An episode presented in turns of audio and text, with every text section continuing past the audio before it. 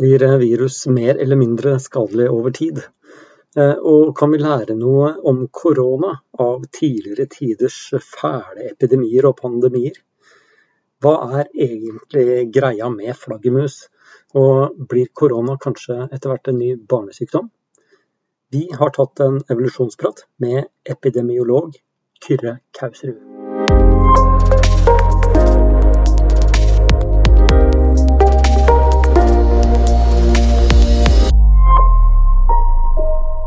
Velkommen til eh, evolusjonsprat. Jeg heter Jens Andreas Huseby og er atferdsbiolog. Med meg har jeg Håvard Hegdal, som er arkeolog, og vi har gleden av å snakke med Kyrre Kausrud, som altså er epidemiolog. Denne episoden har vi spilt inn fra hvert vårt hjemmekontor, noe du helt sikkert vil høre på lydkvaliteten, og at det er litt vanskeligere å koordinere samtalen av og til. Men altså, Dagens gjest, eh, den andre Kyrre, eh, Kyrre Kausrud og ikke Kyrre Vatne, er noe så aktuelt som en vaskeekte epidemiolog. Og vi ble jo kjent med han mens han forsket på byllepest ved Universitetet i Oslo. Men det er jo en stund siden, så det første vi lurer på, det er hva driver du med nå, Kyrre? Akkurat nå så jobber jeg på seksjon for epidemiologi på Det norske veterinærinstituttet. Eh, før det, det, før det, så har jeg egentlig holdt på med utbruddssystemer. er det nærmest egentlig jeg kommer å, å, kunne se en rød tråd i det jeg holdt på med. Sånn, med en mulig unntak for et hovedfag på sau, som kanskje egentlig ikke regnes som som en epidemi, med mindre du er veldig veldig ulvepositiv. jeg vet ikke. Men eh, bortsett fra det så har det vært alt fra barkebiller til byllepest. Eh, veldig mye antrax i sørlige Afrika, altså miltbrann på norsk, men jeg kommer til å si antrax av gamle vane, mm. sånn, sånn innimellom likevel. Mm. Eh, det er den som de fleste kjenner som hvitt pulver som bor i konvolutter, men som ja, ja. egentlig stort sett er, er litt sånn leverposteifarga ting som bor i sebraer, fra mitt perspektiv. Miltbrannsbakterier? Ja. Det, det, er ikke det? ja. Men uh, utbruddssystemer, hva, hva er det for noe? Alle systemer med en veldig ustabil dynamikk, altså hvor du kan ha en, en, en eh, lav lavfase som kan være alt fra dager til tiår til endog hundre år. Um, og så da eh, utbrudd, hvor du har en eksplosiv dynamikk i en fase. Mm. Og så... det, det finnes noen, noen, interessante likheter mellom Det er ikke nødvendigvis sånn at det er kvalitativt forskjellig evolusjonær dynamikk om det som har et utbrudd er forholdsvis stort, altså sånn at folk kan se det som en barkebille, eller om det er, er middelstort som en bakterie, eller tiny som et virus. Mm. Så det jeg ser jo på Facebook nå, så alle i hele Norge er plutselig blitt eksperter på utbredelse av det, koronaviruset og har meninger om det. det men det, det, er faktisk det du driver med? Det er å modellere hvordan ting bryter seg ut? Det er hvordan, modellere hvordan ting bryter ut, og hvordan, hvordan, de interagerer med verten sin, på, om det er mennesker eller grantrær eller sebraer, på forskjellige tidsskalaer. Altså om det er på veldig kort eller på over evolusjonær tid. Mm. Hva, hva syns du om at alle plutselig er blitt eksperter i dette i, i Norge? veldig veldig glad for, for, interessen. Eh, jeg ser at jeg åpenbart må passe på jobben min, men eh,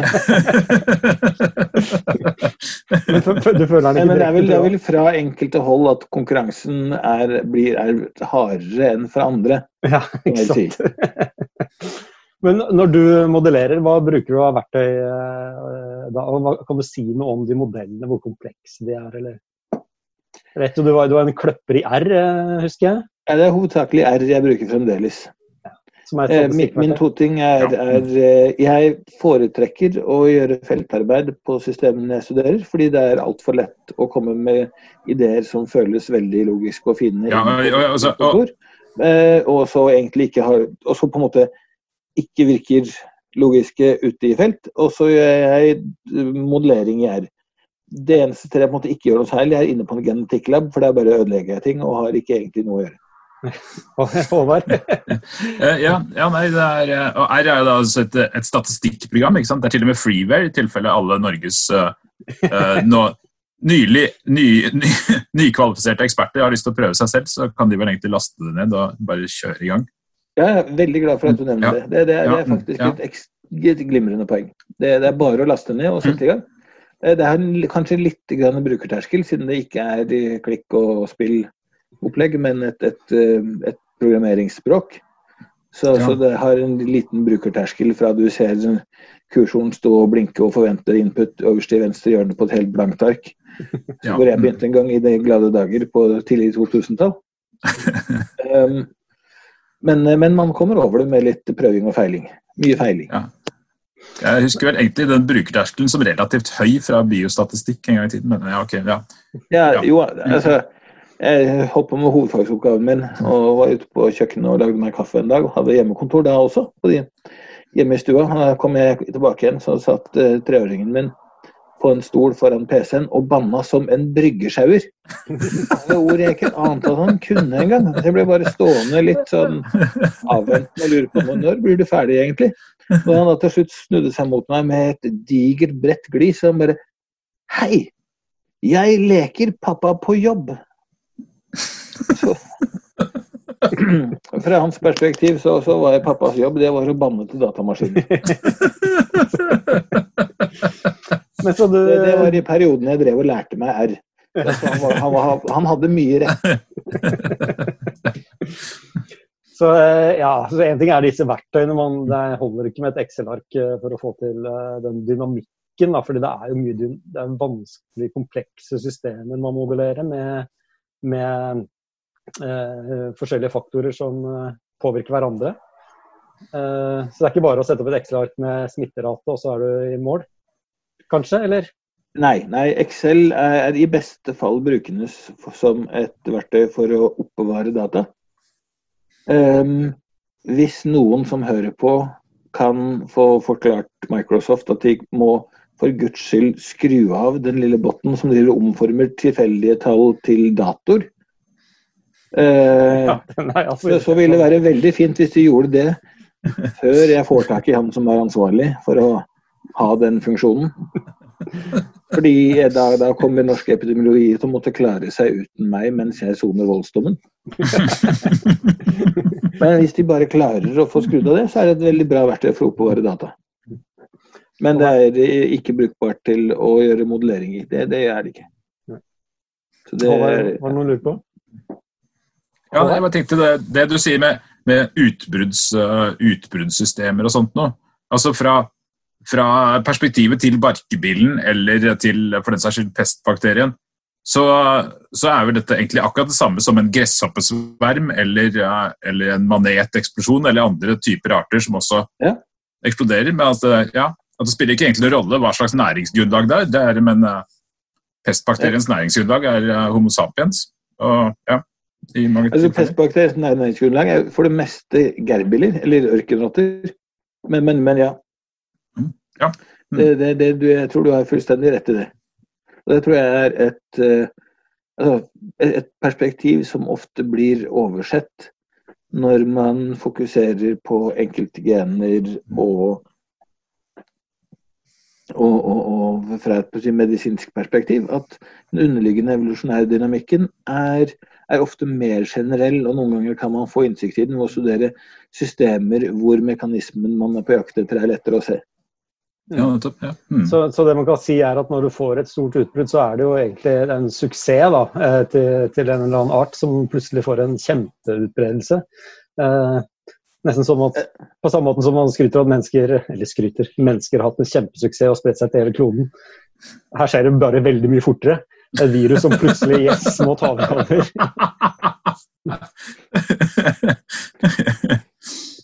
Nei, for eksempel så er jo hvis du ser på virulens hos bakterier, så er det veldig mange, spesielt selverklærte eksperter på Facebook, eh, som er hellig overbevist om at ja, nei, en, en, mer virulent, eh, altså en mer skadelig form, er jo åpenbart neste, neste sted i evolusjonen som man bør løpe og gjemme seg. Og en mutasjon, det er det samme som uh, at noe får på en måte superkrefter og blir uh, forferdelig farlig. Mm. Grønt. Men, ja, i, men i virkeligheten så er det jo veldig gjerne sånn at en mutasjon er det som altså, Det som gjør en art mer eh, altså, er en fordel for den mutasjonen i det miljøet der og da, er det noe ja. som sprer seg. Mm. Det er definitivt ikke nødvendigvis noe som er mer virulent. Fordi um, det er ikke nødvendig det, er, det er, et gammelt paradigme som går på at enhver sykdom egentlig eh, evolverer mot et sånn moderat eh, nivå av virulens. Fordi mm. eh, hvis den dreper verten sin for fort, så rekker den ikke å bli spredd. Og hvis den dreper verten sin for sakte, så har den på en måte ikke utnytta ressursgrunnlaget sitt godt nok. Mm. Eh, og det er en del som tyder på at hvert fall sånn en del direkte eh, overførbare virussykdommer, sånn som muligens vår venn eh, SARS-CoV-2, eh, kan godt tenkes å følge det, det, det, sporet. Men virkeligheten er også ganske mye mer kompleks enn som så. Fordi eh, man må ikke se på en sykdom som på en måte én en enhet som på en måte Altså alle hver eneste lille individuelle virus eller hvert eneste lille individuelle bakterie har sin egen evolusjonære interesse i det her, og er ikke ute etter å give dørene til sine med, mm. medbakterier. Så, og det, det, er en ting som veldig ofte har blitt oversett ja. i både teoretiske og praktiske modeller. Mm. Mens hvis du f.eks. da er, Og her analogien med barkebiller faktisk kommer inn. Fordi hvis du er en barkebille, og du eh, angriper et skadd tre som er dødt og ligger på bakken, så er jo det på en måte, det, det er bare en fri ressurs. Men når det blir fullt i dem, så, så er det trangt om plassen, og det er ikke noe, noe lenger noe gunstig å prøve å lage seg et, et bol i et dødt tre hvis det er milliarder av andre barkebiller der eh, og, og, fullstendig fullt. Så da begynner du å angripe levende tre i nærheten. Men hvis du er den første barkebilla som angriper et stående levende tre, så har det treet har også et immunsystem som er veldig sannsynlig at har i hjel de første 10-20-300 barkebillene som forsøker å bore seg inn der. sånn.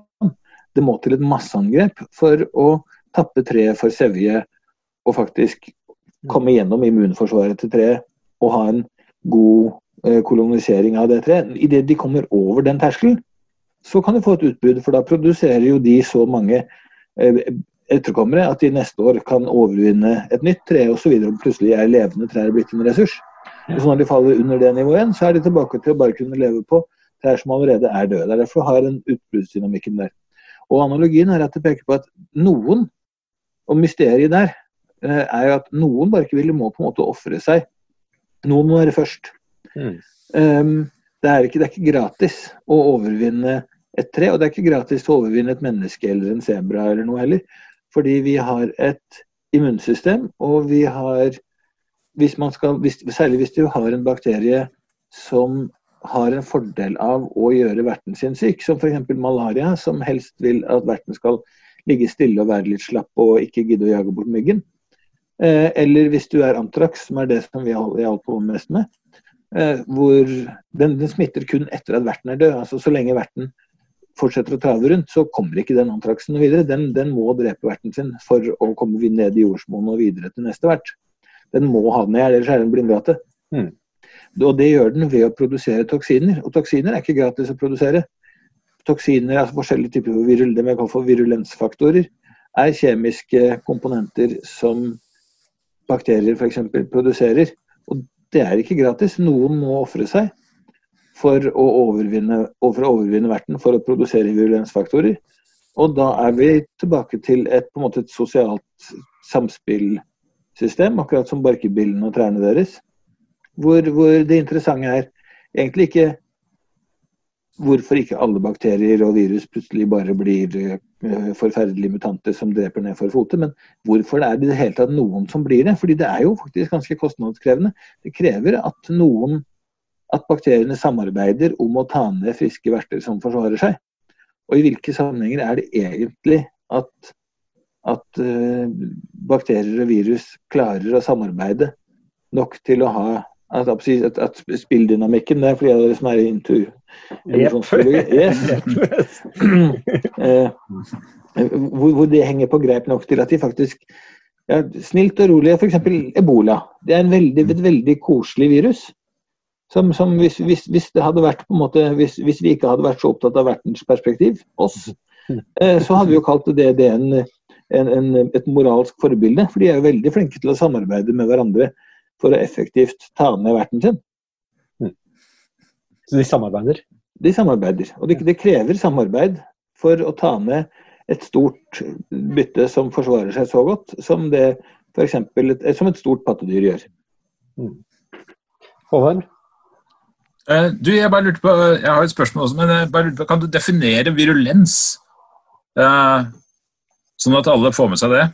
Det? Er et fantastisk godt spørsmål. For en av de tingene som har holdt hele feltet med, med, med evolusjonen av virulens tilbake, er at også vi som holder på med det, har vært veldig dårlige til å definere akkurat det.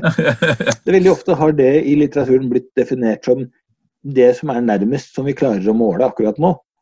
Uh, det, det, har fått en del studier litt ut på Viota. Men, men uh, den beste definisjonen av virulens som både jeg personlig eh, veit om, er vel at virulens er eh, på krek, Jeg vant til å egentlig si det her på norsk, beklager, han må sikkert kutte ut et øyeblikk. Um, si det på engelsk, du. Det går fint. altså, virulens er en emergent property av samspillet mellom patogen og vert. Mm. Fordi man kan ikke egentlig si at virulens er en egenskap bare ved patogenet, altså viruset eller bakterien. Mm. Fordi det er jo i kontekst. Byllepest f.eks. er veldig virulent. altså det vil Si at det skader altså reduserer fitness eller reduserer helse. Da, i, mm. praktisk, fra, fra, vårt perspektiv kan du si mm. at det er noe som skader eller øker mortalitet og morbiditet. Ja, ikke sant. Ja. Mm. Rett og slett hvor farlig sykdommen er. For, ja, litt, litt hvor farlig sykdommen er. Ja, øh. litt, litt, mer teknisk så, så ville jeg sagt at det er hvor mye den senker fitness hos verten sin. Men, men det er veldig ofte vanskelig å måle. så I praksis er det ofte man ender på å måle, er hvor mye økt dødsrate, altså hvor høyt, mye økt mortalitet ja, ikke sant. Ja. Mm. Eh, der en, en vertsorganisme er. Men forskjellige sykdommer har jo Noen kan du ikke egentlig måle dødelighet på, fordi de verten bruker så lang tid på å dø. og det er kanskje, Den er kanskje ikke dødelig, den bare, det er mange parasitter som ikke dreper verten sin. Den bare mm. si, senker helse og senker fitness. Da må du på en måte ha et, et annet mål.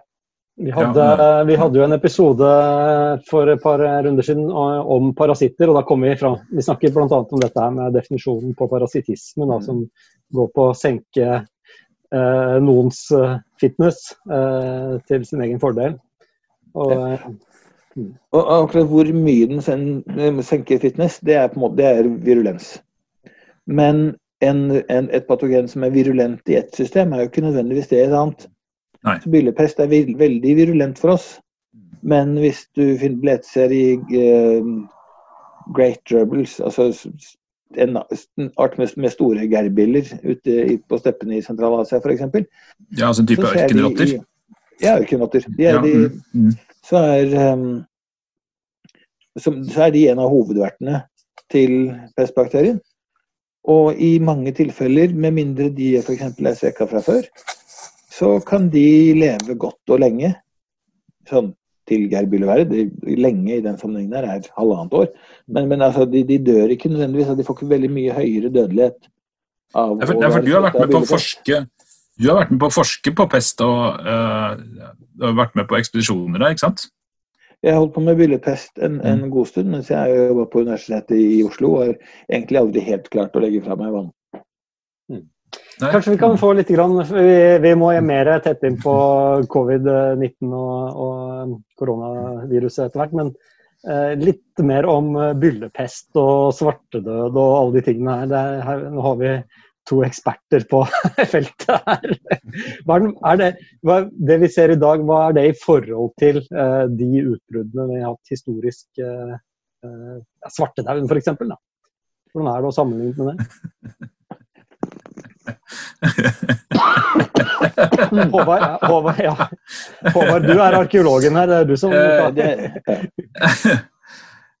Ja, vi har gravd ut deler av byen i, i gamlebyen i Oslo som er uh, hvor vi har funnet bydeler som, uh, hvor all bebyggelse opphører omkring 1350. Og vi ser det også på, på mange felt, hvor kirkegården plutselig går ut av bruk omkring 1350. Ingen flere dateringer etter 1350 omtrent. Og, uh, er det fordi for... ingen døde? uh, nei, Nei, det er nok ikke fordi ingen døde, men det er fordi at etter, etter første runden så, eh, så er det ikke nok folk igjen til at det er noe vits i å bruke resten av arealet på kirkegården, sannsynligvis. Og hvis man ser på stedsnavnene i Oslo, så forsvinner jo noe sånt som 80% av gårdsnavnene på 1300-tallet. Og eh, på de gjenværende gårdene så synker også skatteinntektene med 80 og Hvis du ganger opp Mm. dette sånn, så burde du egentlig ha en befolkningstall på nærmere 95% i omegnen av Oslo. Så det, det, er, det er litt forskjell. Ja. Fra mitt perspektiv så, så, så støtter jo det vi ser også. Det eh, Genetiske flaskehalsstudier tyder på, også på at vi mista sånn ja, røftlig 50-60% av Mm. befolkningen i Europa. Og den var ikke nødvendigvis jevnt fordelt. Altså Noen områder var jo, var jo ja, mye, mye lettere ramma, mens de som da var hardt ramma, kan jo helt fort, fint fort ha mista kanskje 80-90 Mm. Uh, Ja. ja, Men hva, så- hva, hva, var det forskjell i, i eh, altså, Var det forskjell i virulens eh, som gjorde at eh, det gikk så mye liv? Eh, eller er det, var det måten samfunnet var eh, organisert da som gjorde at eh, det var så mange som døde? Tenk i forhold til nå, da. i, i forhold til Altså, byllepest finnes jo ennå. Ja. Grunnen til at Det er det ikke alle som vet. Det- det- Den, den lever i beste velgående. Vi har vært ute og hilst på den da, som vi nevnte i stad, på slettene i Kasakhstan og i Indre Mongolia f.eks. Altså den- og Madagaskar er den også aktiv. Sted, deler i ørkenstrøk i USA kan du også finne den. Men hovedsakelig så er det en eh, sykdom hos eh, ja, hulelevende gnagere. Alt fra marmots til eh, så murmeler til eh, gerbiller og forskjellige ørkenvotter. og ja, alle gnagere som egentlig bor i, i, i eh, huller, og særlig da hvis de også bor i kolonier. Mm. Så, så svartedauden og byllepesten, som eh, den, den ble aldri borte. Nei, nei, og den fortsatte jo å komme i bølgevis i århundrer etter den sånn store svartedauden. Altså det var jo, svartedauden var jo verken den første eller den siste pestbølgen som kom gjennom eh, Europa, iallfall. Og heller ikke gjennom Kina og antageligvis deler av Afrika også. Mm. Så den ligger der eh, rundt omkring i verden og kommer, eh, dukker av og til lokalt i sånne små bluss, og så Ja, ja, du du har sesong med, litt som vi har sesonginfluensa, så har du sesongutbrudd av byllepest på, sånn, eh, på, på um, Madagaskar f.eks. Mm. Så ja, for, det, men, det har aldri gjort noen steder. Men, det- den, men samfunnet vårt er organisert forskjellig. Vi, Eh, jo, nei, jeg bare tenkte på altså, eh, CS ved biologi på Blindern, Center for Evolutionary and Ecological Synthesis, hvor du, eh, du jobba før. Eh, der, eh, de har jo akkurat, eller ikke, for et par år siden så kom jo de med en veldig viktig studie i forhold til å forstå spredningen av svartedauden og hvorfor det døde så usannsynlig mye mennesker i Europa da den kom på 1300-tallet, og sikkert den justinianske pesten også, for den saks skyld. Hva sa den Ja. studien? altså den, den påpekte ting vi har, ideer vi har lekt med lenge, som er veldig, veldig, er en glimrende studie som eh, Jeg kan si det, for jeg var ikke med på den. Mm. Eh, så, som viste veldig godt at eh, parasitter på mennesker også må ha vært med. Altså man har ofte fra historiebøkene et sånt bilde om at dette var noe som gikk fra rotter til, til lopper til mennesker. Men, men eh, det var igjen, det var nok veldig mye mer komplisert enn som så. Altså den pestbakterien er evolverer fram og tilbake veldig mange ganger i løpet av historien, både i virulens og spredningsstrategier. Den går på veldig mange forskjellige arter. Og en av de viktige tingene vil jeg nok tro i middelalderen, var at den kunne spres også via menneskeparasitter, altså lus og lopper. Mm. Ikke bare de, så de artene med lus og lopper som trives på, på rotter og, og, og gnagere, men også de som trives på mennesker. Og mennesker hadde en, levde tett på hverandre, i en forholdsvis tett på folka til middelalder, fram da til, til pestbølgene kom. Og hadde fantastiske mengder med, med, med hudparasitter. Det spilte antageligvis en stor rolle. Fantastiske mengder med hudparasitter. Levde tett på andre dyr som også kunne fungere som mellomverter og spredningsfaktorer, hadde ingen konsept av, av, av antibiotika. Uh, gjorde forsøk på karantene med litt sånn varierende hell.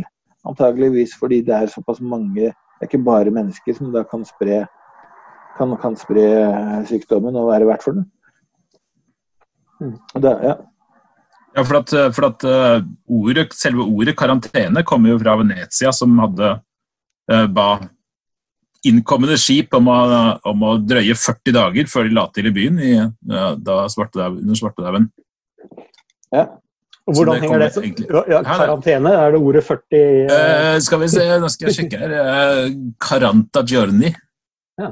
Er det 40 egentlig. Dager. 40 dager. Mm. Mm. Så 14 dager er ikke Det er egentlig nei, det er ikke Det er bedre å ta i litt på den safe siden, Yes. ja, vi begynner jo å nærme oss 40 dager nå, så kanskje det blir 14 dager hjemme foran internett er vesentlig triveligere å håndtere enn 40 dager ute på en lekk liten treskute. I, en, I en litt sånn muggen havn utafor Venezia. Jo, men, men, jeg har tenkt på dette sånn det, Eh, for meg syns jeg det ga veldig mye sens, det med at, eh, at svartedauden spredde seg fra person til person med lus. Eh, blant annet fordi at klesplagg i middelalderen er jo håndlaget fra bunnen av. ikke sant? Det er jo et enormt mye mer kostbart materiale enn en i dag. Vi, og eh, Boccaccio skriver i, introduksjonen til Decameronen at folk dør fordi de tar på tøyet til døde, til de som er smittet. Der har du det allerede. ikke sant? Men bare folk, Det var jo ikke noen logisk eh, konsekvens i den tenkningen. her. sånn. Vi døde jo av alt mulig likevel. Det, eh, så det ble jo aldri en, et tabu på noen måte. og du ser jo liksom, Folk skulle jo begraves ordentlig. Og selv under de absolutt verste pestbølgene, midt under det verste utbruddet i London, pestkirkegårdene der, der ligger folk fremdeles på rad og rekke ordentlig i massegraver. Eh, men altså begravd ordentlig, uten tøyet på seg, sannsynligvis da i liksvøp. Så ritualene var så sterke at selv under den verste bølgen av pesten så oppfylte folk det de skulle gjøre. De tok av dem tøyet og begravde dem ordentlig. Og dette er klart det er, det er en dødsdom, da, hvis du tenker på hvor mye lus og lapper det var på den tiden. her. Du vil jo selvfølgelig også arve tøyet videre. da. Mm. Mm. Ja, jeg tror du er inne på noe veldig viktig der. Mm. Det er jo liksom På 1600-tallet kan du se folk som liksom kastes i graver med tøyet på. Men i middelalderen ingen. Alle bare tjukk, tjukk, tjukk, tjukk, tjukk på rad og rekke. Helt sykt. Jeg mistenker også at altså, det er så mange altså, jeg, jeg, har ikke studert den arkeologiske og på en måte filologiske siden av det, men, men, jeg kan spørre deg, kanskje. fordi jeg har alltid reagert på at det her, for meg virker som det er så mange eh, historier om Eh, landsbyer eller byer eller steder som på en måte har vært i karantene eller har prøvd å, i mer enn 40 dager har prøvd å isolere seg, men hvor de påstår at nei, eh, smitten kom inn nettopp med, med, tøy, men da veldig ofte også med tøyruller, altså import av, mm. av tøy. Og hvor jeg har hatt en liten mistanke om at OK, vi, vi, det jo, vi mistenker også, det har vi ikke, det har vi ikke fått vist ennå, men vi mistenker også at pestbakterien kan ha et et reservoar i miljøet. Altså at mm. bakterien kan leve, hvis den får de riktige forholdene, i noen typer miljø lenger enn man egentlig har sett for seg. Det er en av grunnene, det var egentlig hovedgrunnen til at vi var ute og gravde i bakken i Kasakhstan, som vi så vidt har prata om en gang før. Um, men hvordan den da kunne bli frakta med handelskaravaner, f.eks. Altså både da under, under da svartedauden og forløpet til svartedauden, og, og, i bølgene etterpå, men også da, som vi sa, den tredje, tredje store pestutbruddet, altså det på, så sent som på 1800-tallet, hvor vi også har rekonstruert hvor den må ha hvilke veier den må ha spredd seg langs. og Det er jo i hovedsakelig de store handelsrutene. Men den er jo ikke i utgangspunktet en sykdom som går på mennesket. og Du reiser ikke veldig langt som menneske mens etter at du har blitt smittsom for pest. Det pleier å sette en liten butte på, på ridelisten hos de fleste. Så det må være en eller annen måte som vi ikke har helt oversikt over ennå, som bakterien kan reise på langs handelsruter. Mm. Og folk har pleid å si jo, jo, skipsrotter. Ja, men det er ikke så jævlig mye skipsrotter med mm. på handelskaravaner med hest, har jeg alltid sett for meg. Men hvis det er et, et, et reservoar som bl.a. da kan involvere litt sånn fuktig, tett sammenrulla tøy. Hvor selv da når loppene har dødd, eh, så kan bakterien overleve i eggene deres, f.eks. Eh, så vil en god del av epidemiologien på storskala og spredningsveier, ikke minst hvor fort den spredde seg, gi mye mer mening for meg. Det har vi, Ja, ja. Men, men det, det, er, det er så langt en, en hypotese. Men, eh, men, ja, men, men spørsmålet er da hvorvidt du også har inntrykk av at import av varer, og ikke spesielt tøy, gjerne blir forbundet med, med, med utbrudd av pest også på steder som tror de har isolert seg på annet vis. Um, nei, det vet jeg ikke eh, spesifikt, men jeg vet i hvert fall at det er et eh, det er jo en utfordring å få dette til å gå opp. fordi at eh, Sånn som i Norge, hvor hvis pesten klarer å spre seg til alle kroker og kriker i Sør-Norge, og utraderer jo landet fullstendig ut fra de kildene man har. Så Og det er jo et problem, for du reiser jo lenge, lenge, lenge. Og så, så hvordan en dødelig syk person da kommer fram til eh, skal begynne å reise rundt i landet eh, og spre smitten videre. Og få, og få, liksom hele, og få hele dynamikken til å gå opp i forhold til hvor lenge lopper lever, i forhold til hvor lenge rotter lever, i forhold til hvor lenge mennesker lever etter smitte. Det er ikke, det er ikke nødvendigvis helt dit at det går så veldig bra opp. Så jeg syns ikke det høres så dumt ut, egentlig. Nei, jeg har aldri fått det til å gå opp med mindre du har et, et ledd til hvor da enten, enten bakterien kan reise eh, i, i varer som f.eks. tøy, Mm. eller den kan spre seg med en art som ikke er mennesker, men reiser gjerne sammen med mennesker. Mm. Eh, som f.eks. Altså, hester, eh, sauer, annen- en eller annen form for budskap. Mm. Eh, eller den spres med en art som reiser alene. Altså, vi har f.eks. også i Kasakhstan sett på hvorvidt den kan spres med fugler. Ja, eh, enten Mm. direkte da, eller med lopper som sitter i Mm. fjær. Um, eller altså Ja, men, men, men det, det Siden bakterien jo også evolverer over tid, så er ikke de, de uh, strainsene, altså de bakterieversjonene som vi ser i dag, nødvendigvis akkurat de samme som de vi hadde i de store pressbølgene på middelalderen. Så det er litt vanskelig å se akkurat eh, finne ut akkurat hvordan de var i stand til å spre seg. Pluss det at eh, det, det er en såkalt eh, klasse A-patogen. Så det er, ikke, det er ikke helt trivielt å få tillatelse til å drive utstrakte eksperimenter med å, å spre den på, ut på jordet og inn i alle dyr. Og, hvis, hvis du sier til Forskningsrådet nei, vi vil gjerne ta en 40-talls hester og infisere dem med, med, med, med byllepest, og så la den gå litt på beite her borte, og så ser vi at det er, det er ikke nødvendigvis uh, ja.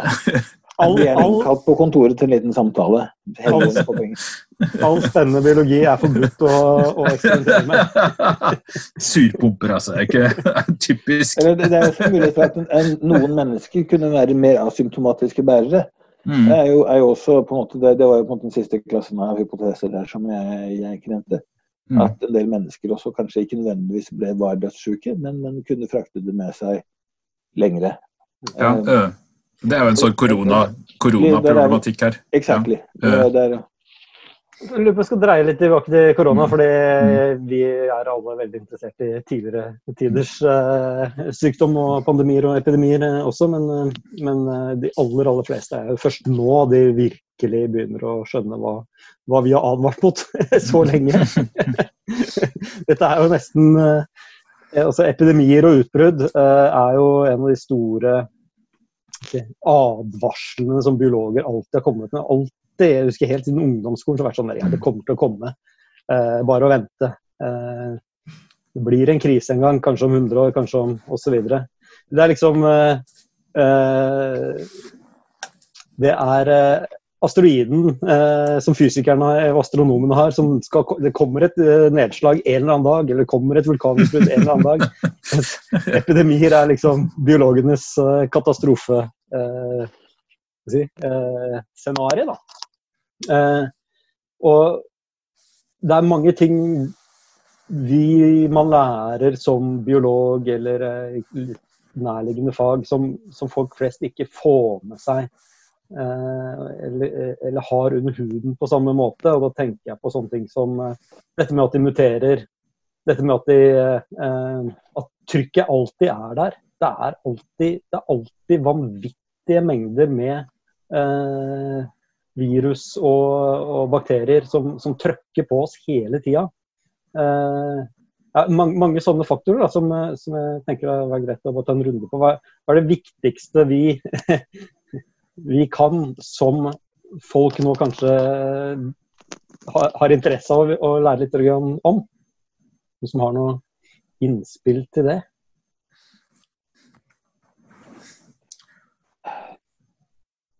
Nei, altså, Da går jeg bare rett tilbake til svartedauden igjen. Ja, altså, for at uh, Svartedauden er jo da et uh, veldig godt eksempel på at uh, det er en sykdom som er nesten ne Kommer bare fem centimeter unna å utslette hele samfunnet.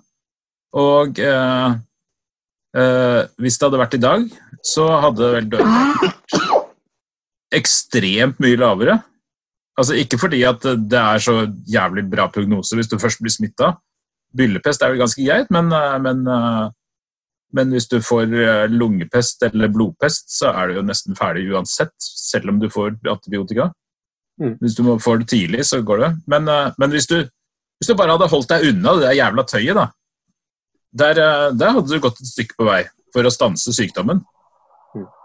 Hvordan ble, så, man, hvordan ble man kvitt uh, der? Hvordan, hvordan forsvant den? Uh, det er et veldig godt spørsmål. Det, vi veit ikke egentlig det heller, hvorfor den slutta å komme, og hvorfor den på en måte ikke fortsatte å komme i stadig nye bølger. Ehm, vi diskuterer fremdeles hva slags, om noen, hva slags reservoarer den hadde i Europa. Og hvordan og hvorfor de i så fall da forsvant og døde ut etter hvert. fordi det er ikke noe som tyder på at vi har, har reservoarer med, med byllepest i Europa i dag. Hvor den var i høy, høymiddelalderen. Uh, jeg vet ikke, kom tilbake om et spør meg igjen om noen år, så kan jeg kanskje finne det. Men, eh, men jeg, jeg literally har ingen idé i dag.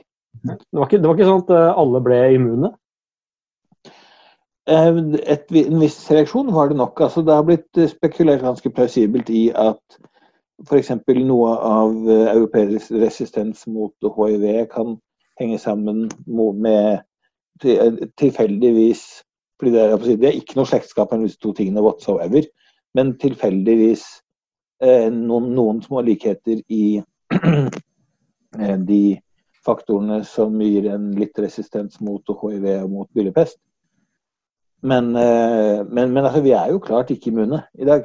Altså, hvis, hvis eh, vi får byllepest i dag, så, så som eh, Håvard sa for et øyeblikk siden, så kreves det ganske kjapp intervensjon med antibiotika for at det skal være noe særlig bra prognose i dag også, så immune er vi jo helt åpenbart ikke blitt. Vi har blitt ganske mye flinkere til å ikke være konstant infisert med lus og lapper, mm. uh, og gå i, i, i uh, tøyet til onkel Kjell som døde i forrige uke. Det, der, der, tror jeg nok det ligger en god del. Mm. Så generell, sånn, ja, generell sånn hygiene og, og, også måten å leve på er vi, vi vet jo Nå vet vi jo hva virus er. Vi vet hva bakterier er. Og vi har, vi har jo i hvert fall mot bakterier så har vi jo eh, antibiotika. Men, det er helt klart mye. Men jeg vil også si at fra, fra bakteriens perspektiv så er jo ikke nødvendigvis mennesker egentlig den viktigste verten. Vi er i mange tilfeller på en måte nærmest bare litt sånn Det er, det er ikke oss nødvendigvis å være en spesialist på. Så det kan godt hende at de andre vertene, altså dyr med kortere, kortere generasjonstid og kjappere kjappere evolusjon enn oss evolverte til å bli mer resistente. Ja. Eller kan og, og, eller, for ingen av de hypotesene her er gjensidig utelukkende, at bakterier evolverte selv fordi det å, det å drepe masse mennesker altså det, var, det, det, var, ikke en adaptiv strategi på sikt. Mm. Den, den, evolverte selv bort fra å være noe som lagde så store utbrudd. Akkurat hvordan og hvorfor, det, Veit ikke, men det er mange forskjellige plausible hypoteser for hvor, hvorfor det kan ha skjedd. Men det er også muligheter. Det vil i så fall forklare hvorfor da den tredje pandemien, den på 1800-tallet, ikke hadde på nær sagt like høy dødelighet som, som de foregående.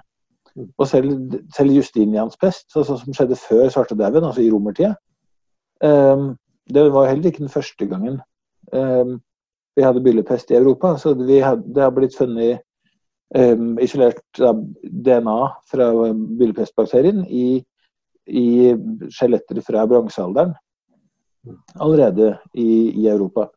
Eh, interessant nok antageligvis omtrent på den tida hvor indoeuropeiske folk begynte å spre seg innover fra da, steppene i, i, øst og så innover i det mer skogkledte Europa.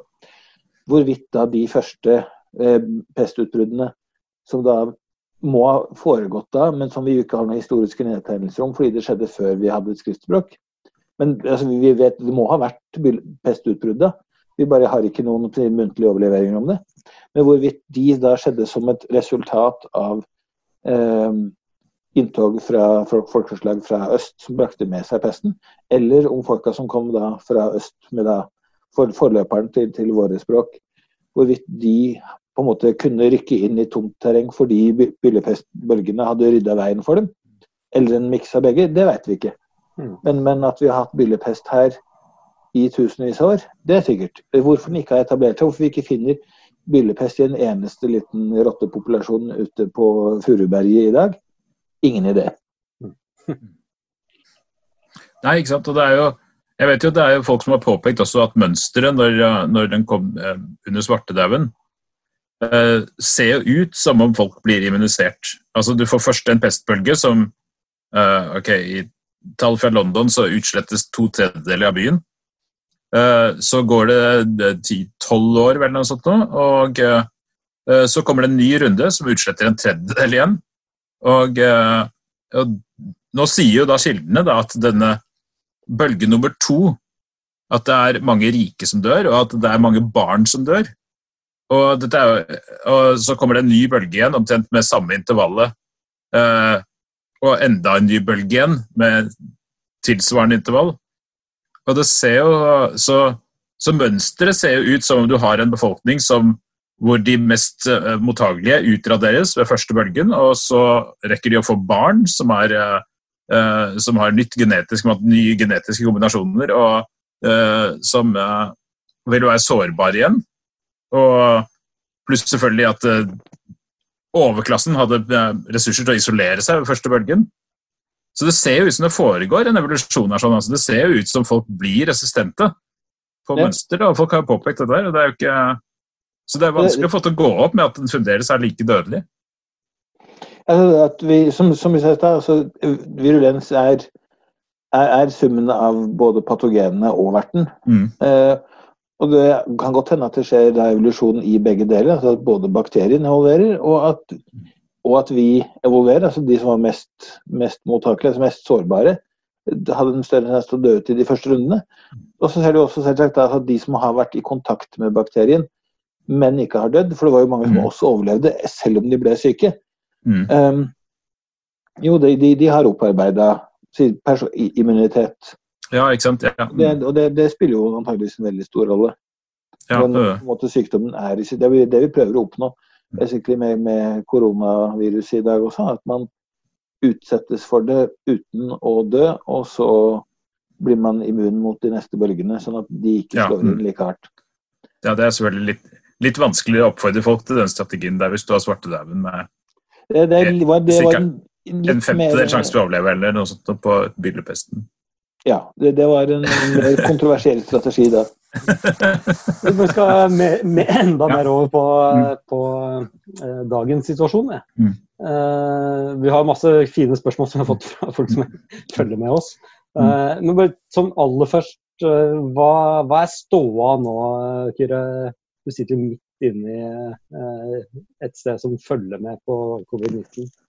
Hva, hva er det man vet og ikke vet? Hva er de store, ukjente faktorene? Ok, For det første så må jeg si at eh, stor, blinkende, eh, stort blinkende forbehold er at jeg har Jeg sitter ikke på folkehelse og har ingen på en måte eh, rolle hvor jeg skal uttale meg på vegne av noe som helst offisielt om koronautbruddet. Det er ikke, det er ikke min jobb. Eh, og det er ikke det, det, ja, det, det, er ikke, det, er ikke, det jeg gjør, og det er ikke min jobb å si noe om spesielt. Så jeg uttaler definitivt ikke på noen som helst måte på vegne av verken Folkehelsa eller Veterinærinstituttet. Nei. Mine helt personlige betraktninger eh, er at vi enda altså, Vi vet veldig mye fordi det er satt inn så enorme ressurser på å finne ut ting. Mm. Men vi har ikke fått syntetisert kunnskapen og luka ut den av den som altså det er Mye av den kunnskapen vi har, er selvmotsigende. Vi har ikke fått funnet ut hvordan det henger sammen, og, og, og, og luka ut feilene og syntetisert det til noe hele enda. Mm. Jeg ser det det er enda veldig, veldig mye vi i praksis ikke veit. Det er vanvittig publikasjonstempo nå. Det virker som Også helt sinnssvakt. Ja. Så jeg driver og skriver nå, vi altså sammen med andre skriver to søknader Ja. til et, et nøds øh, uten nødsutlysning som Forskningsrådet hadde ut- ute for en uke siden. Hvor vi leverte inn to forsøknader hvor begge ble antatt og ble bedt om å levere fulle. Eh, Begge har frist på tirsdag. Ja. Så heldigvis så er det noen andre som sitter og skriver på dem akkurat nå, ellers hadde ikke jeg vært her. Eh, Men, men eh, rett før jeg kom inn og begynte å snakke med dere, så fant uh, mine kjære kolleger på den ene søknaden ut at det, hele seksjonen om uh, state of the art i søknaden, den måtte dere bare skrive om i dag, fordi den hadde vi skrevet uh, på eh, fredag. Altså for to dager. Nå var den utdatert, så den måtte vi skrive på nytt igjen før vi leverer den på tirsdag. Ja, fordi vi, altså, jeg ser ut som Nature og alle de der anerkjente tidsskriftene nå publiserer artikler i et tempo man ikke har sett før. Det, Ja. hvordan, har de, hvordan har man klart å gire opp, uh, gire opp det? Er det, er det, de, de har gått helt, altså publiserer på nett lenge før det kommer papirutgaver, og det, alt er helt ekstraordinært. eh. Det, det er vel fordi alt går så fort at alle all- alle som jobber med det, ser at ok, det er ikke noe, hvis vi venter på at de vanlige kanalene skal gå sin vante gang, så er det på en måte for seint til å ha noen effekt. Mm. Og det- bidrar til å gjøre at, vi, at, at kunnskapsgrunnlaget blir så stort og oversiktlig at man har ikke fått, har ikke fått luka ut det som egentlig ikke henger på greip. Ja, nemlig. ikke sant? Fordi det kommer mye fort. Det kommer på Det kommer mye fort som blir tilgjengelig, Og da kan ting sprike litt i ulike veier, og så klarer man ting ikke å se spriker i veldig mange ulike veier akkurat nå. Mm. Så du kan Ja. Men eh, Ja, hva, hva, hva, tror, hva tror du om dødeligheten på, på covid-19? Hva er uh, Altså, ja. Altså, du har jo anslag helt fra over 3 og ned til 0,01% ja eh, sånn i gjennomsnitt. Er det en trend, liksom, i, i resultatene nå? altså, eh, den litt sånn merkelige alderssammensetningen, den ser ut til å være ganske den, veletablert. Mm. At jo høyere Det er en, en veldig enkel eksponentiell kurve som er danner Jeg lagde en i hvert fall i går som passa veldig bra til de dataene vi har. Som er en veldig enkel eksponentiell kurve som, som øker Hvor dødsraten øker eksponentielt med alder. Mm. Um, det er da mange som tolker det inn at ja, nei, det er jo da bare mange bare gamle som dør, og det er det jo åpenbart ikke. Og mye av sammenhengen her er jo at ja, du har kanskje Kanskje du har 30 sjanse for å dø av eh, covid-19 hvis du er over 85 år og smittes. Mm. Og kanskje du bare har eh, 3 sjanse Disse tallene er bare eksempler, men altså røff, on, på ballpark estimate 3% hvis du er si mellom, mellom 55 eller 60 og 85. Mm. Så er det likevel så mange flere som er i gruppa mellom 65 og 85 enn i gruppa 85 pluss i samfunnet. At det blir likevel Antallet som dør av yngre er jo likevel mye større. Ja, nettopp, ja. Mm. Så det er, det er, og det er veldig mange som her på en måte blander sammen dødsraten og dødsantallet. Mm. Og blir forvirra over og lurer på hvorfor så mange yngre mennesker dør. Mm. Mm. Og mye av grunnen der er nok fordi det er mange flere yngre mennesker. Altså, ingen blir født 50 år gamle, mentalt kanskje, Mm. men ingen blir født fysisk 50 år gamle. Så det er, det er som å trekke Det er lavere vinnersjanse, si, om- omvendt vinnersjanse, men det er mange flere lodd. ja Um, og, så, og det at eh, altså underliggende sykdommer, særlig de som har med hjerte- og karsystem, danner er en risikofaktor, det virker også veldig veletablert. Jo flere, jo mer ting som er gærent med, med, med hjerte- og karsystemet ditt, eh, jo dårligere ligger du an. Mm. Det virker også ganske merkelig. Uh, utover det så blir det veldig mye spekulasjoner. Og Det at, bidrar nok også til at dødeligheten varierer som fra sted til sted. Fordi nettopp mm. populasjonspyramiden ser forskjellig ut fra sted til sted. Det er ganske mange flere eldre mennesker som kan dø i forhold til yngre i f.eks. Japan eller Italia enn det det er i Iran eller Kenya. Ja, Det er en interessant sak, for det er jo mye snakk om uh, Afrika og u-land nå, hvor uh, som, man ser for seg at uh, nå kommer det dit, og der blir det, der blir det ordentlige problemer. Men en ting er at man ikke har gode data der, fordi man har jo ikke utbygd helsesystem eller helsevesen. og det, det, og det kan jo også slå ut den veien at uh, de som blir smitta i større grad, uh, får et dårlig forløp. Men, men pga. befolkningspyramiden så er det jo en veldig ung befolkning i mange, uh, mange dårligere stilte land. Da. Som men kanskje, kanskje, slår positivt ut for dem også?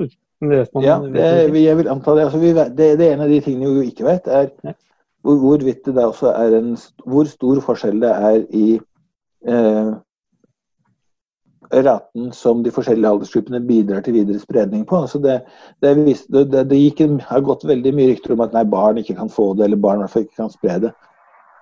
Jeg ser at jo, Barn kan både få det og spre det. Alle som har barn i barnehagealder, vet at de sprer sykdommer. ja. Men, men, men de, de har jo ekstremt lav dødelighet. Og det, det er en jo da interessant ting, nettopp fordi det, det, viser jo at det her er ikke en ting som har gått gjennom oss før, hvor da vi har møtt noe som er veldig mye lignende. Sånn at vi har opparbeida immunitet mm. mot viruset. For I så fall så ville da barn hatt en topp med hvor de viste, viste eh, høyere, høyere, frekvens, men det har de jo helt åpenbart ikke. Den eksponentielle kurven går helt ned til nullårsalder og uten, uten, noe tegn til å på en måte gå opp igjen på de lavere aldersgruppene. Mm. Ok, men, men, men, Kan du forklare det litt?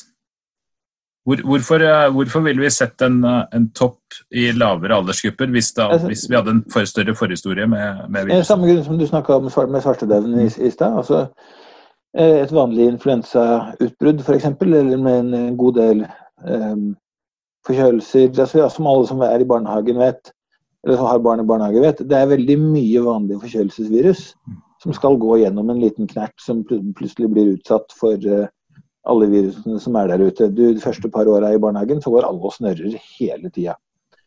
Um, og så, så, så dabber det av etter hvert. Det er fordi de har immuns naive immunsystem som ikke har blitt trent på alle luftveisinfeksjonene som er der ute ennå. Eh, og så opparbeider man seg jo da immunitet, akkurat som med vaksiner, sånn etter hvert som man blir utsatt for, for, for ting. Um, hvis covid-19 hadde vært et virus som hadde vært på tur her før, eller ligna nok på det, et virus som vi allerede var kjent med, så ville jo det vært en god del av den litt eldre eller voksne eller unge, unge voksne befolkningen ville jo da allerede vært litt litt immune hvis de hadde vært i kontakt med det før, men da kanskje ikke barn som ikke da hadde vært født forrige gang da viruset gikk gjennom befolkningen, og da ville de vært mer utsatte. Som f.eks. da ved forkjølelser. Og, og, og alle, alt det vi kaller for barnesykdommer, er jo barnesykdommer nettopp fordi det er, det, det er sykdommer som barn ikke har rukket å få enda, men som de voksne enten har blitt vaksinert mot eller har hatt. Mm. Men det er ikke noe tegn til at det foregår med covid-19, så det, det, viser også at det er et nytt virus for oss. Ja, Men her kommer vi på det litt, sånn, litt evolusjonære, både litt spennende og litt urovekkende. Jeg har i dag, mens jeg har forberedt meg til å prate med dere, sett et par papere som eh, nylig utkommet i Nature, som eh, tyder på at covid-19 kan ha hatt en del lokale utbrudd, i alle fall i flere tiår, mens det har opparbeida seg eh, mutasjonene det trenger for å kunne spre seg fra eh, menneske til menneske.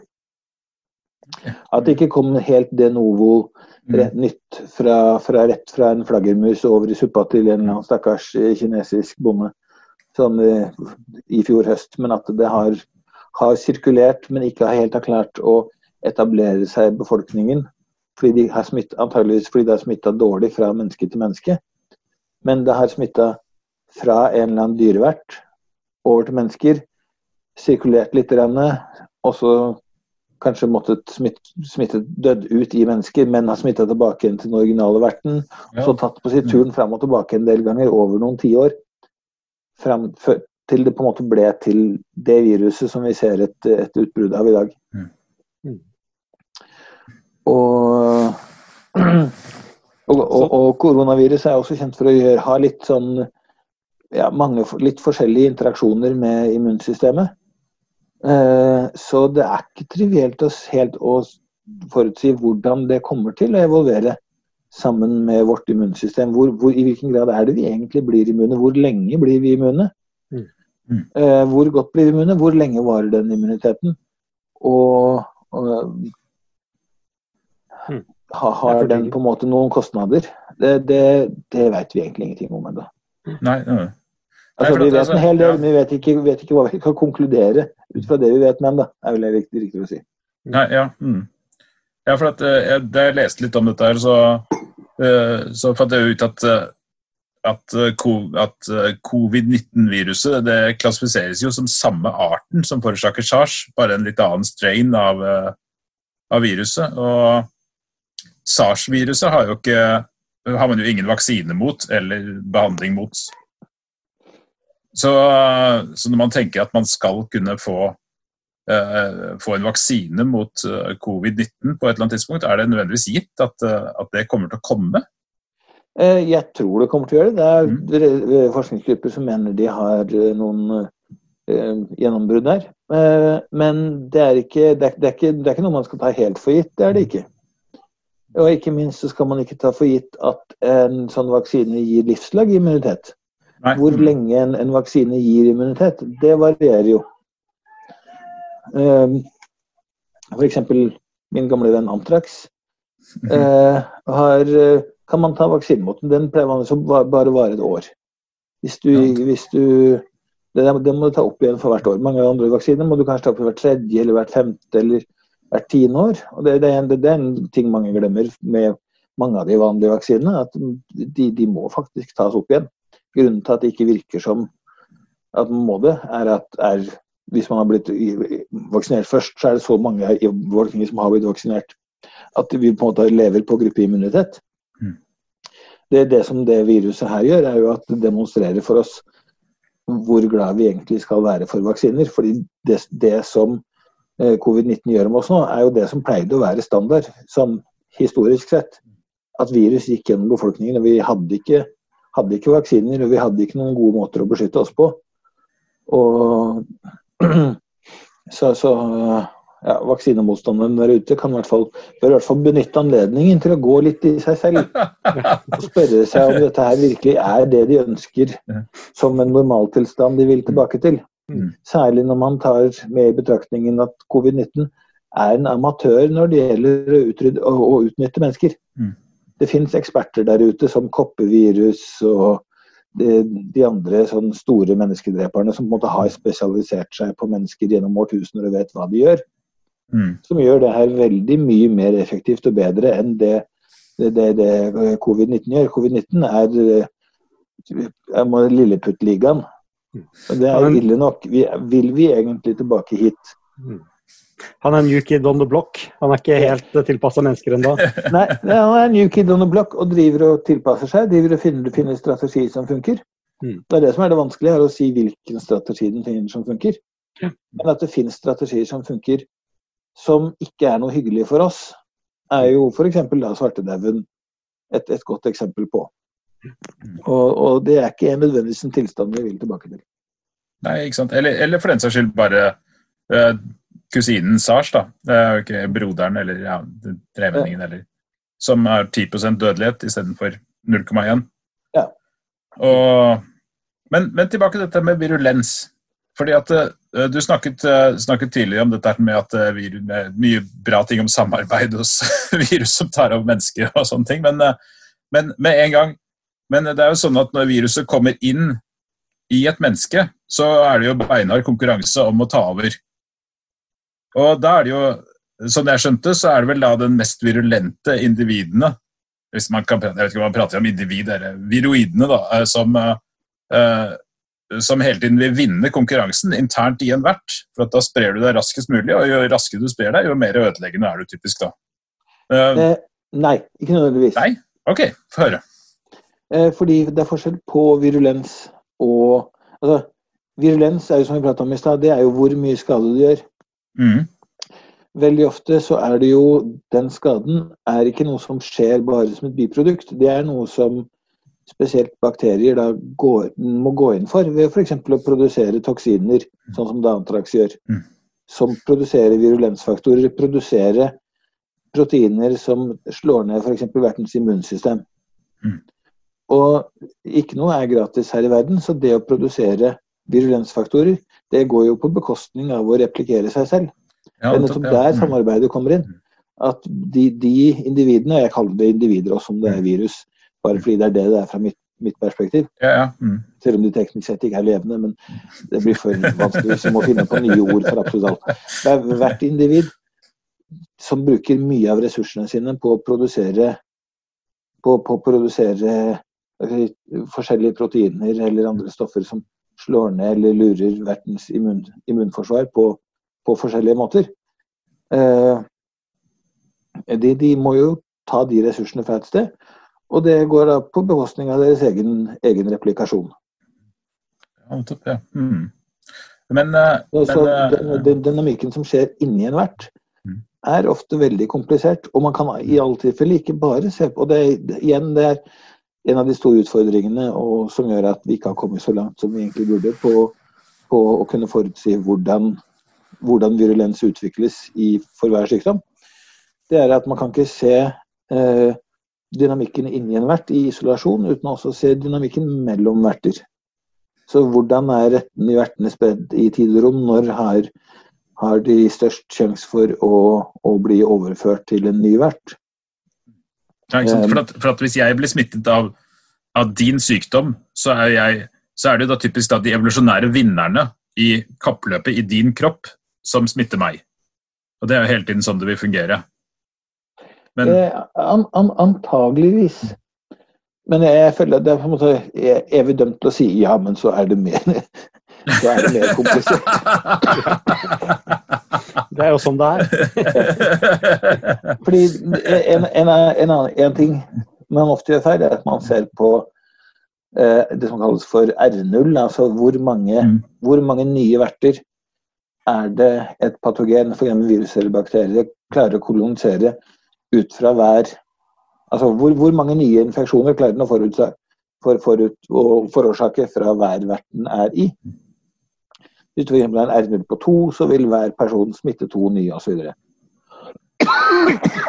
Og da er det folk som bruker det som en definisjon på fitness. Mm. Og sier ja, okay, den mest, mest best tilpassa bakterien, eller patogenet med høyest fitness, den har høyest R0. Mm. Men, men, det stemmer jo heller ikke hvis man, ser, ikke, hvis man ikke tar med tidsfaktoren. Hvis, hvis, eh, du er et patogen som bruker 20 år på å uh, infisere tre, og derfor har en R0 på tre, så taper du likevel kappløpet mot en, en, konkurrent som bruker fem år på, eller ett år eller tre uker på å infisere to. Mm. Selv om den er lavere R0. Mm.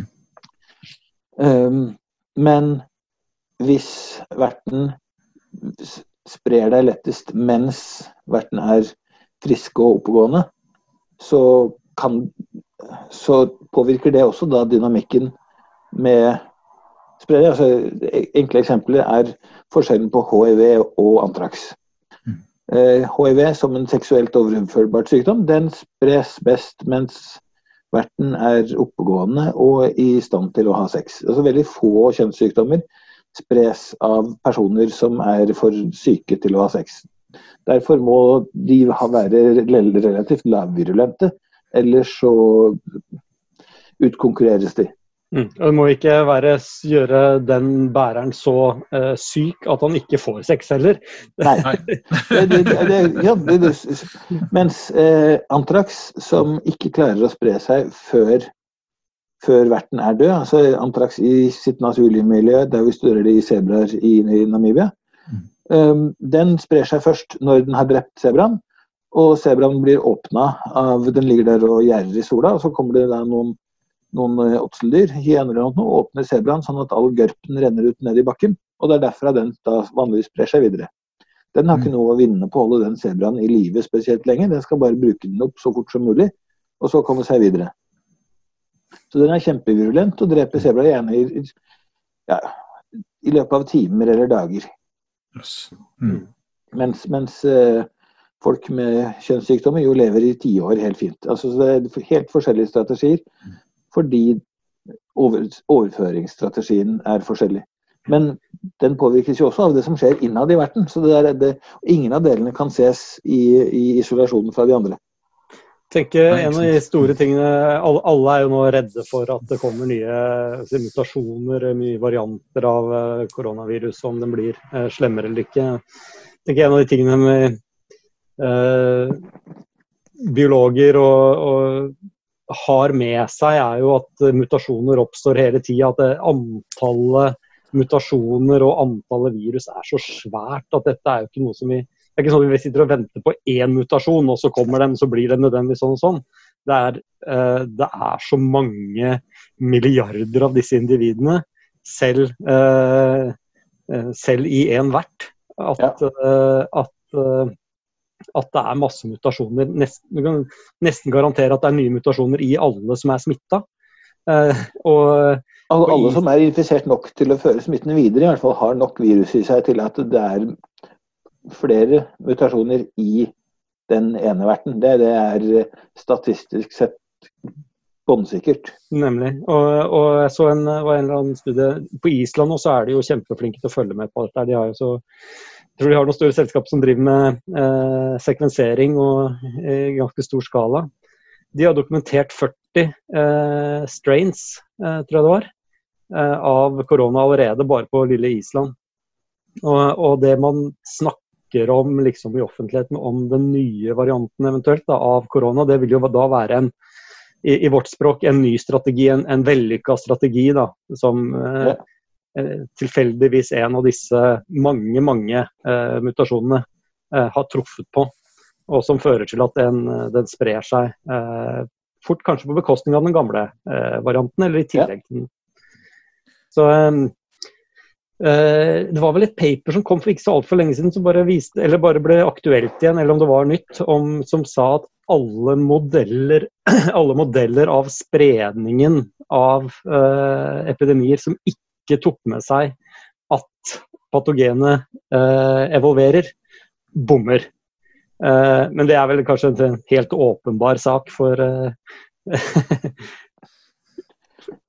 Altså, det, det, det, det, er i hvert fall helt riktig hvis man ser på litt tidsskala. Ja. Altså, du, du, kan ofte ha for ett utbrudd, vil jeg tro, hvor det skal mye altså hvor det er nok av altså, den, den, opprinnelige strategien til at du kan se på det i isolasjon som OK, i store trekk så vil de fleste være, være eh, patogener som har den gamle strategien, og så oppstår det, oppstår det nye som, med nye strategier underveis, fordi det gjør det hele tiden. Det er ikke snakk om at man, som du du sa helt, helt fullstendig korrekt. Altså, det er ikke som om man venter på nye, nye, nye um, mutasjoner. De skjer hele tida. Så det er mer at de, måte, de, prøver seg fram med alle mulige forskjellige kombinasjoner, og så er de som, de som gjør det best, fortsetter å ta over. Mm. Men sånn da uh, Hvis vi kommer tilbake til dette med, med virulens og utviklingen av det så er det vel sånn isolert sett så, så er det vel sånn at hvis du har veldig høy populasjonstetthet, at hvis det er vei mellom, mellom potensielle verter, så vil du typisk at det typisk er en faktor som driver opp virulens, for at du har et kjappere du kan komme unna da, med et kjappere sykdomsforløp fordi du uh, uansett får smittet mange på veldig kort tid. Så at uh, Jeg leste akkurat noe om at uh, dette er med industriell hønsefarming er en, er en, bra mekanisme for å drive opp virulens. da, Fordi at eh, du har så ekstremt tette populasjoner. Ja, det, igjen, altså, det, det finnes unntak, og det er mer komplisert. Mm. Men, men, som ja. en tommelfingerregel så tror jeg nok det er riktig, ja. Du, du er, er dette... kan iallfall få oppblomstringer av, av veldig virulente strategier lettest i tette befolkninger. Ja. Av, ja, det er jo derfor eh, altså monokulturjordbruk og husdyrbruk osv. Altså det er eh, altså, Du får færre patogener fordi du har en mindre artsrikdom, men du får antagelig også mer sårbar for de virulente strategiene når de kommer. Mm. Men, men du, er dette også en grunn til at uh, bare sånn litt malavibar, men, men det vi hører om som, som reservoarer for sykdommer, er jo typisk da flaggermus og, uh, og gnagere, som du pratet om med svartedauden. og uh, dette, er jo, dette er jo pattedyrarter som lever tett på hverandre i, i, er sosiale og store samfunn, og ofte mye dritt og lort også assosiert med dem. Så er dette er, er det også en, en, driver for Er det noe av det som er grunnen til at du bestandig hører om flaggermus i forbindelse med disse her, eh, invaderende sykdommene? At, de er, at, det er en bra sted å drive fram virulens? Altså, folk diskuterer som det litt hvorvidt flaggermus egentlig er opphav til flere eh, zoonotiske, altså sykdommer som mm. sprer seg fra dyr til mennesker, eh, enn det man skulle forvente ut fra hvor mange det er av dem hvor tett de lever på mennesker, og hvor mange arter det egentlig finnes, og hvor godt studerte de er. Men jeg heller vel til å tro på litt på da, nyere, nyere, resultater som tyder på at jo, de er like, selv om man tar høyde for de faktorene der, så er de likevel litt overrepresentert. Mm. Og at det eh, antageligvis har noe å gjøre med at de ikke, ikke bare er kolonilevende og, og lever tett, altså de lever tett på hverandre, men de er altså, Siden de er flyvende dyr, så betyr det også at de har en veldig høy metabolisme. Og de er også flyvende og langtlevende dyr, så de har en veldig høy metabolisme og veldig eh, effektiv antiviralt system, interferoner, mm. uh, som er som, som kverker mange av de virusene som livnærer seg på flaggermus.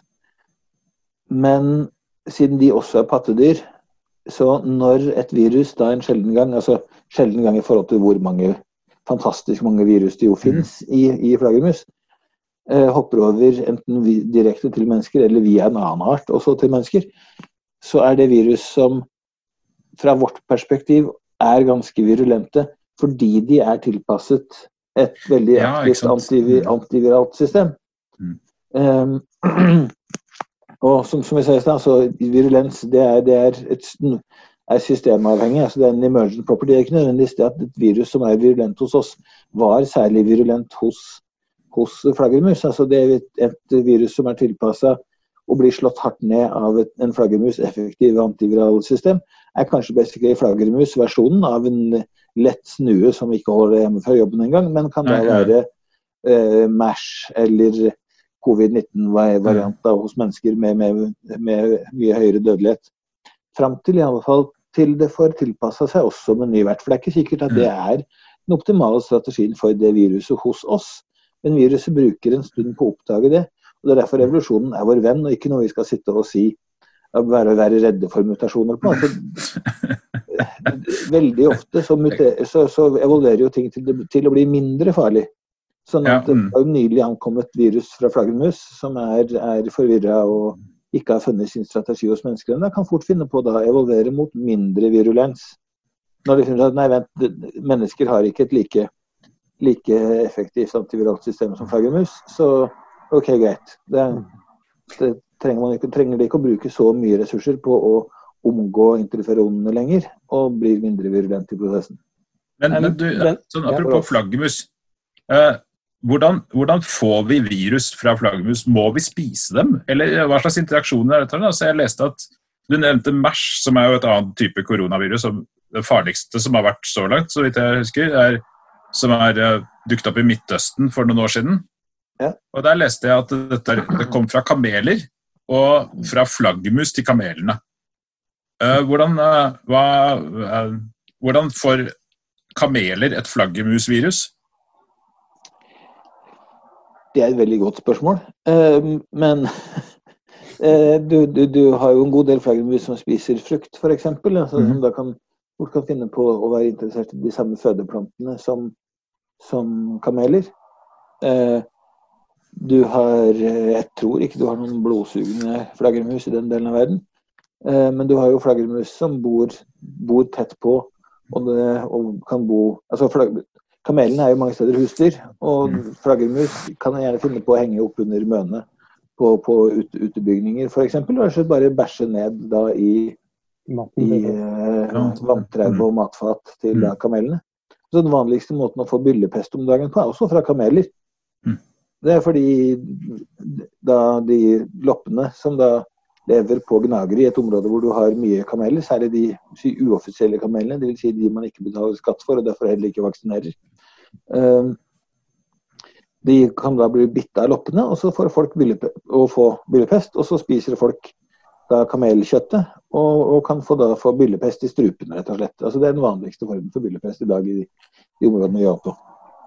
Så, jeg likte det du sa om den, så evolusjonen er vår venn. Jeg bare kom på en eh, sak eh, spole litt tilbake til det. fordi det er en veldig hyggelig side ved dette med alle disse smittestoffene. Det, det, jo, det blir jo regnet som en av grunnene til at vi har kjønnet formering i det hele tatt.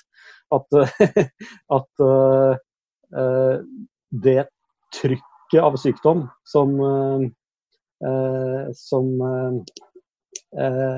virus og bakterier utgjør, krever eller det belønner rekombinasjoner og, og, og diversitet da, i, hos barna. Eh, som igjen da eh, er nok til å opprettholde eh, dette at vi har to kjønn. Så jeg, satt i en diskusjon en gang og minnet folk på at virus og bakterier er ikke bare dumt, det er jo faktisk hele dype årsaken til at vi vi faktisk har to kjønn, og, og, alt det hyggelige som følger med, følger med det. ja. Ja. mener, de aller fleste bakterier er jo, lever jo inni oss i tarmen, f.eks. Altså de, de tar ikke og går den veien med hvor de er patogene. for de som vi har pratet om før, det, det, krever at de samarbeider om å ta oss ned, akkurat som en løveflokk samarbeider om å ta ned en, en gnu. Så kreves det vanligvis samarbeid fra, med patogene til å ta ned et menneske. Mm. For de fleste så er ikke det en god strategi, så de lever i tarmen vår og på en måte er enten på en måte likegyldige for oss eller, eller hjelper oss. Mm. Så man, man, kan jo, altså Hvis man skulle tenkt på virusene og, og bakteriene som et, et, et, en annen organisme, så er, så er, det jo det å komme inn en ny art. Det er jo nesten som å komme i en nytt kontinent. Uh, vi, er, vi, er, liksom blitt et, Eh, det nye miljøet til, uh, til, denne arten. Hvor de brer seg ut og finner ut hva de kan spise og ikke spise, og, og hvordan ting De holder på å settle oss. da. Eh, og over tid så vil de jo da finne, i, i, den grad det blir værende i oss, så vil man kanskje finne økende grad av altså vi, vi, Da bor vi sammen. Vi, vi, vi, kan utvikle en slags sameksistens med, med disse virusene og bakteriene. Ja. Altså den sameksistensen, altså, Det er ikke nødvendigvis at det bare er kos heller. Det, det finnes, jo, finnes, jo, mange patogener som ikke går i den retningen, men, men fortsetter å være veldig virulente. Eh, som har en strategi hvor virulens eh, betaler seg ja. eh, også. Men, men, eh, men, ja, veldig ofte så går det i den retningen. Mm. Ja, for det er, vel, det er vel mange sykdommer Jeg har fått spørsmål her om om sykdommer som uh, vi har som har vært dødelige før, og som uh, har blitt uh, som vi lever med i dag. Og det er jo sikkert veldig mye influensasykdommer og sånt ikke sant? som, er, som sannsynligvis har vært veldig mye farligere. vanvittig mye høyere dødelighet når vi først begynte å få dem, enn de har i dag. Ja, det, det er nok trolig. Altså, det var vel en eh, storskala demonstrasjon på det eh, på eh, 1500-tallet i, i, i Nord-Amerika. Altså når. Mennesker fra Europa som hadde da levd i bysamfunn og med, med eh, husdyr eh, i 8000 eh, år, sånn evolusjonært sett, mm. møtte folk som fremdeles levde som jegere og sankere, som ikke hadde hatt de sykdommene. Og så vi jo det antageligvis har vært grovt underestimert hvor mange som egentlig bodde i Nord-Amerika, men som så rett og slett bare døde av sykdommer som europeerne hadde med seg uten at det egentlig var noe større problem enn ja, en sånn moderat Ikke, ikke var noe større problem enn at man likevel virka som en god idé å sette seg i en, en, en trebalje og seile over Atlanteren med det. Mm, mm. og som da utrydda kanskje ja, 90% av, av befolkningen. Ja. Mm. Og at uh, det, det, på en måte ligger mye bak den oppfatningen mange hadde da, av de første europeiske settlerne, at de på en måte flytta inn i nytt land som virka mystisk. Eh, veldig, veldig mystisk. ja, ja. På en måte tilpasset dem og vennlig. Det er nesten litt sånn parklignende skoger langs østkysten. og sånt. Og ja, det, det, var parklignende skoger langs østkysten fordi de hadde vært, vært eh, stelt av uh, lokalbefolkningen uh, som jaktmarker. altså Utstrakt hortikultur. Altså, de bodde ikke urørt villmark men de bare drev ikke med jordbruk. Så det var en grunn til at de skogene var vennlige og parklignende. Det var fordi de var basically jaktparker gjennom mange tusen år. Så hadde bare de som holdt på med det, det Vaktmesteren hadde nettopp dødd. Ja, for dette er, dette er egentlig det samme som vi får fra flaggermusene nå. da. Etter at flaggermusene har levd i sine intense bysamfunn i uh, egentlig millioner av år, og deretter ja, kommer over med virus til oss. Ja. Det er et veldig god, godt bilde, egentlig. Det er det som skjer hver gang et, et, en, et patogen hopper over fra en ny art mm. til oss. Da, vi, altså, vi, vi, vi, har eh, vaksiner og medisiner og, og, epidemiologiske tiltak å møte det med. Men, eh, men eh, i det øyeblikket vi på en måte ikke bruker det, så er vi ikke noe bedre stilt. Ja, ikke sant. Jeg har litt sånn interessant vi, Nå er jo hele Vi gjør, kjører jo masse tiltak nå på, eh, for å stanse dette utbruddet, eller i hvert fall ha kontroll over det på en eller annen måte. Eh, men eh, hva var det jeg skulle spørre om? Eh, hvordan ser vi for oss en slags endgame her? Hva, hvordan kommer det her til å se ut om ett år, to år, tre år? Eh, hva tenker hva hva er, hva er liksom de alternative scenarioene? Er dette en eh, barnesykdom om noen år? Kanskje? Det kan det godt være. Ja. Det kan gå den veien at, eh, at det blir en, eh, noe vi eh, bare lever med, blir en del av sesonginfluensaen på en måte. Ja, eller, eller som du sier, en barnesykdom. Altså, hvor, mm. hvor hvis den er så vanlig at alle får den, i, mm. i, i, de aldersgruppene hvor den helt åpenbart er minst farlig. Ja. Så, så ligger ja. den jo godt an til å bli nettopp det. Mm. Ja, ikke sant. For dette, det du sa i stad med, med, aldersspredningen, det er jo ikke det at, at, det er, at, vi burde, at, vi kommer til å få flere barn som er smittet av den. Men, men tingen er at uh, hvis den hadde vært lenge i befolkningen, så ville alle hatt den som barn og dermed vært immunisert, og du ville ikke fått like mye av den i, i, de eldre aldersgruppene. ikke sant? Nei, da, det ville veldig, mm. altså Sykdommer som kommer periodisk, får nettopp mm. det mønsteret i befolkningen. Mm, mm. Um, det, det, er også en litt sånn Det, det kan visstnok også gå begge veier. altså En sjelden gang så kan du bli mer sårbar for noe man har hatt før. Uh, det, jeg så en, en, en, en artikkel fra Japan eh, for noen dager siden. Eh, hvor de mente at den japanske befolkningen kunne ha vært utsatt for et lignende virus for en sånn ja, 40 60-70 år siden. Som hadde gjort en del av befolkningen mer sårbar enn forventa. Fordi de mente de så et, et mønster hvor sånn ja, 40-60-åringer plutselig var veldig mye mer sårbare enn Vesten. Enn det de burde vært. Eh, men igjen, eh, statistikken der er litt vanskelig. Så, og, og, de kunne i så fall ikke si noe om hva det hadde vært.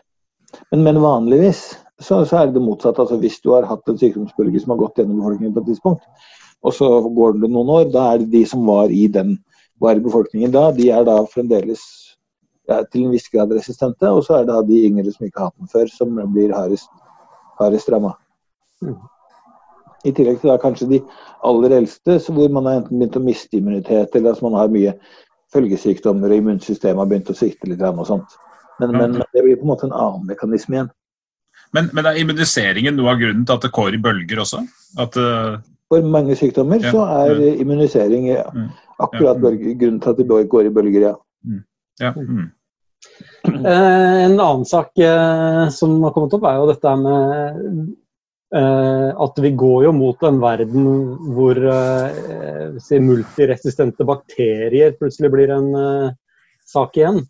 nå har vi store deler av verden hvor vi bruker antibiotika helt uhemmet og dy, i våre øyne da, dyrker fram bakterier som antibiotika ikke virker på. Mm. Og og i det scenarioet hvor dette blir utbredt, så, så, er vel kanskje mange av de tiltakene vi nå ser, de er en del av en sånn framtid hvor, hvor, vi ikke har eh, god, god, anti... Eh, god medisin mot helt vanlige bakterier. Ja, det er helt riktig, og det er veldig skummelt. Fordi ja, nei, vi, det, det, er mange, mange sykdommer som vi har trodd de har hatt helt kontroll på, som, som begynner å bli vanskeligere å kontrollere igjen. Altså, tuberkulose f.eks. er jo en, eh, en stor skummel sak. Altså multiresistent tuberkulose det er ikke, er, er ikke, bra i det hele tatt. Og driver og sprer seg med foruroligende stor fart. Men siden tuberkulose er en såpass langsom sykdom, så går det litt sånn under den offentlige radaren, føler jeg. Mm. Det er ikke så mange som egentlig bruker mye tid på å tenke over multiresistent tuberkulose. Men, men, det kunne de med fordel kanskje gjøre. Ja. ja for i, i, i, vårt eh, perspektiv, eller så nært perspektiv, kanskje også til og med et arkeologisk perspektiv, da, så, så, er den perioden med eh, moderne medisin og, og, i hvert fall antibiotika er jo en liten sånn blipp i historien hvor vi har vært skånet for at skjærer jeg fingeren, så, så, går det greit, liksom. Men eh, i, en, si, i tiden før antibiotikaen så så kan man dø av uh, sår. Uh, du kan få en ja. Eh, det, jeg tror vi er mange som ikke, som ikke tenker over hvor, hvor, unik den situasjonen vi er i nå egentlig er, historisk sett. Det er et godt eksempel på at man burde ha mer historie både i skole og utenfor. For det er vi som egentlig er det anomale. Det er vi som er rariteten. der At vi på en måte sitter her og føler oss trygge for ting, fordi vi har vaksiner og vi har, har antibiotika. Så det, det, pågår jo et voldsomt våpenkappløp mellom de som lager nye antibiotikaer og nye, nye, typer, nye tilnærminger til antibiotika, og antibiotikaresistens. Mange av de første generasjons, altså de vanlige antibiotikaene vi har, det, der kommer vi litt tilbake til det der med at bakterier jo også har sosialt samspill og samarbeider. blir En av grunnene, hovedgrunnene til at antibiotikaresistens evolverer hele tiden, så ofte og så fort, er jo at de genene som bakterier har for å bruke til antibiotikaresistens, de, de, de, de, dukker ikke opp på nytt bare fordi vi har plutselig funnet ut på antibiotika. Vi er ikke så nye. Antibiotika lages jo av sopp. Eh, altså, de første penicillinene lages jo av, for av, av sopparter. Det gjør det jo helt naturlig. Det er veldig mange antibiotikaer som er rett og slett molekyler som brukes av forskjellige mikrober, altså sopp og bakterier, til, både til intern krigføring, hvor de lager antibiotika mot hverandre eh, i, i, konkurranse og krigføring, men også bruker forskjellige antibiotikaer i veldig lave doser til å kommunisere med hverandre. altså som Kommunikasjonsstoffer, rett og slett. Er signalstoffer, akkurat som våre nevrotransmittere. Og da må de jo kunne både forsvare seg mot krigføring og regulere, regulere eh, den kommunikasjonen. Så Derfor er de også utbredt gener for for eh, antibiotikaresistens. Sånn at de, de, må ikke finne opp kruttet på nytt hver gang vi begynner å bruke antibiotika. De trenger bare å finne ut at de skal skru opp produksjonen av ting, allerede, av, av ting som allerede finnes i systemet. Ja.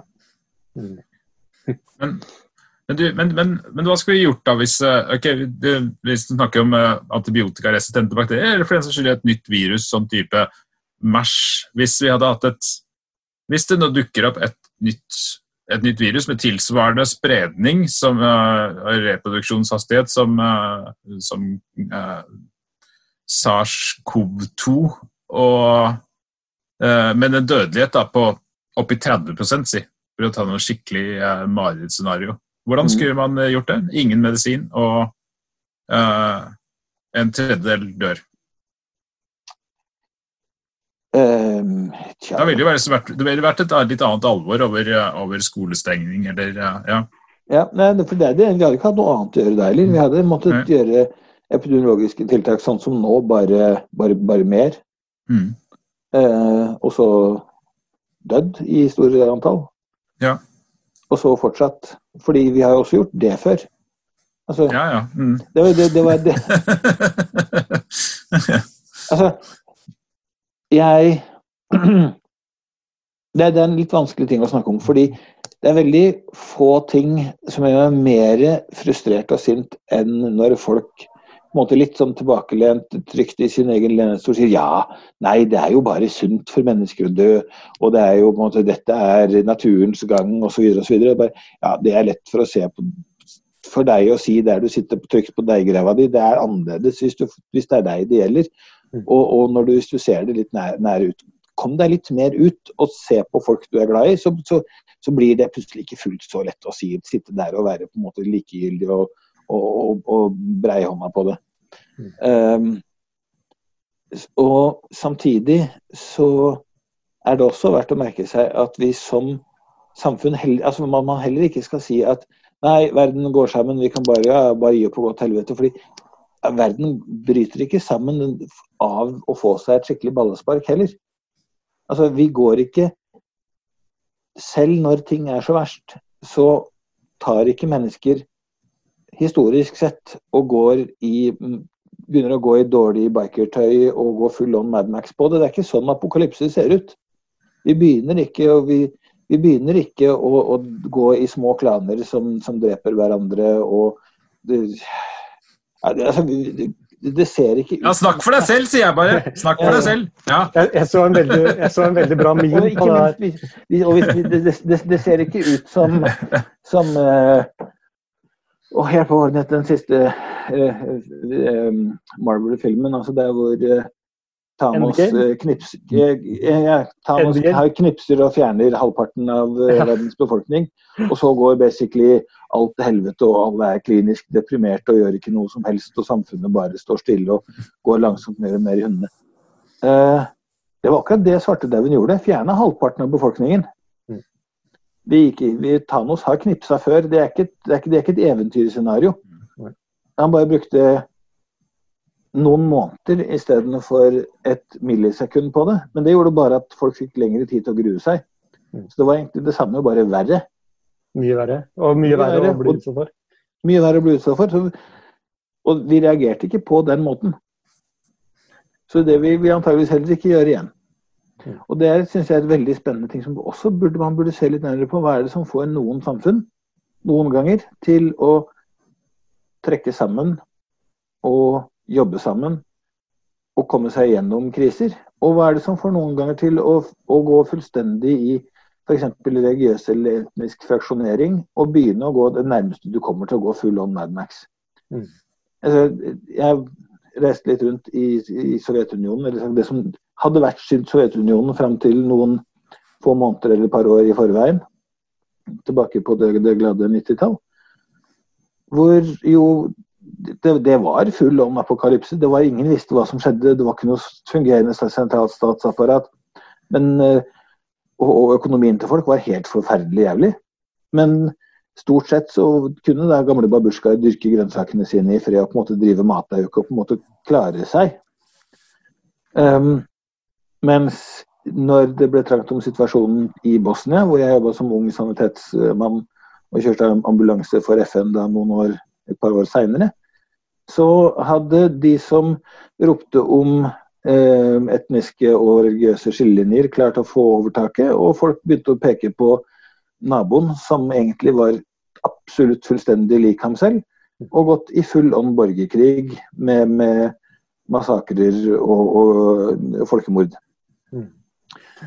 Eh, Det var ikke noen mindre etniske spenninger innad i det russiske eh, sovjetiske imperiet enn innad på Tiny Balkan.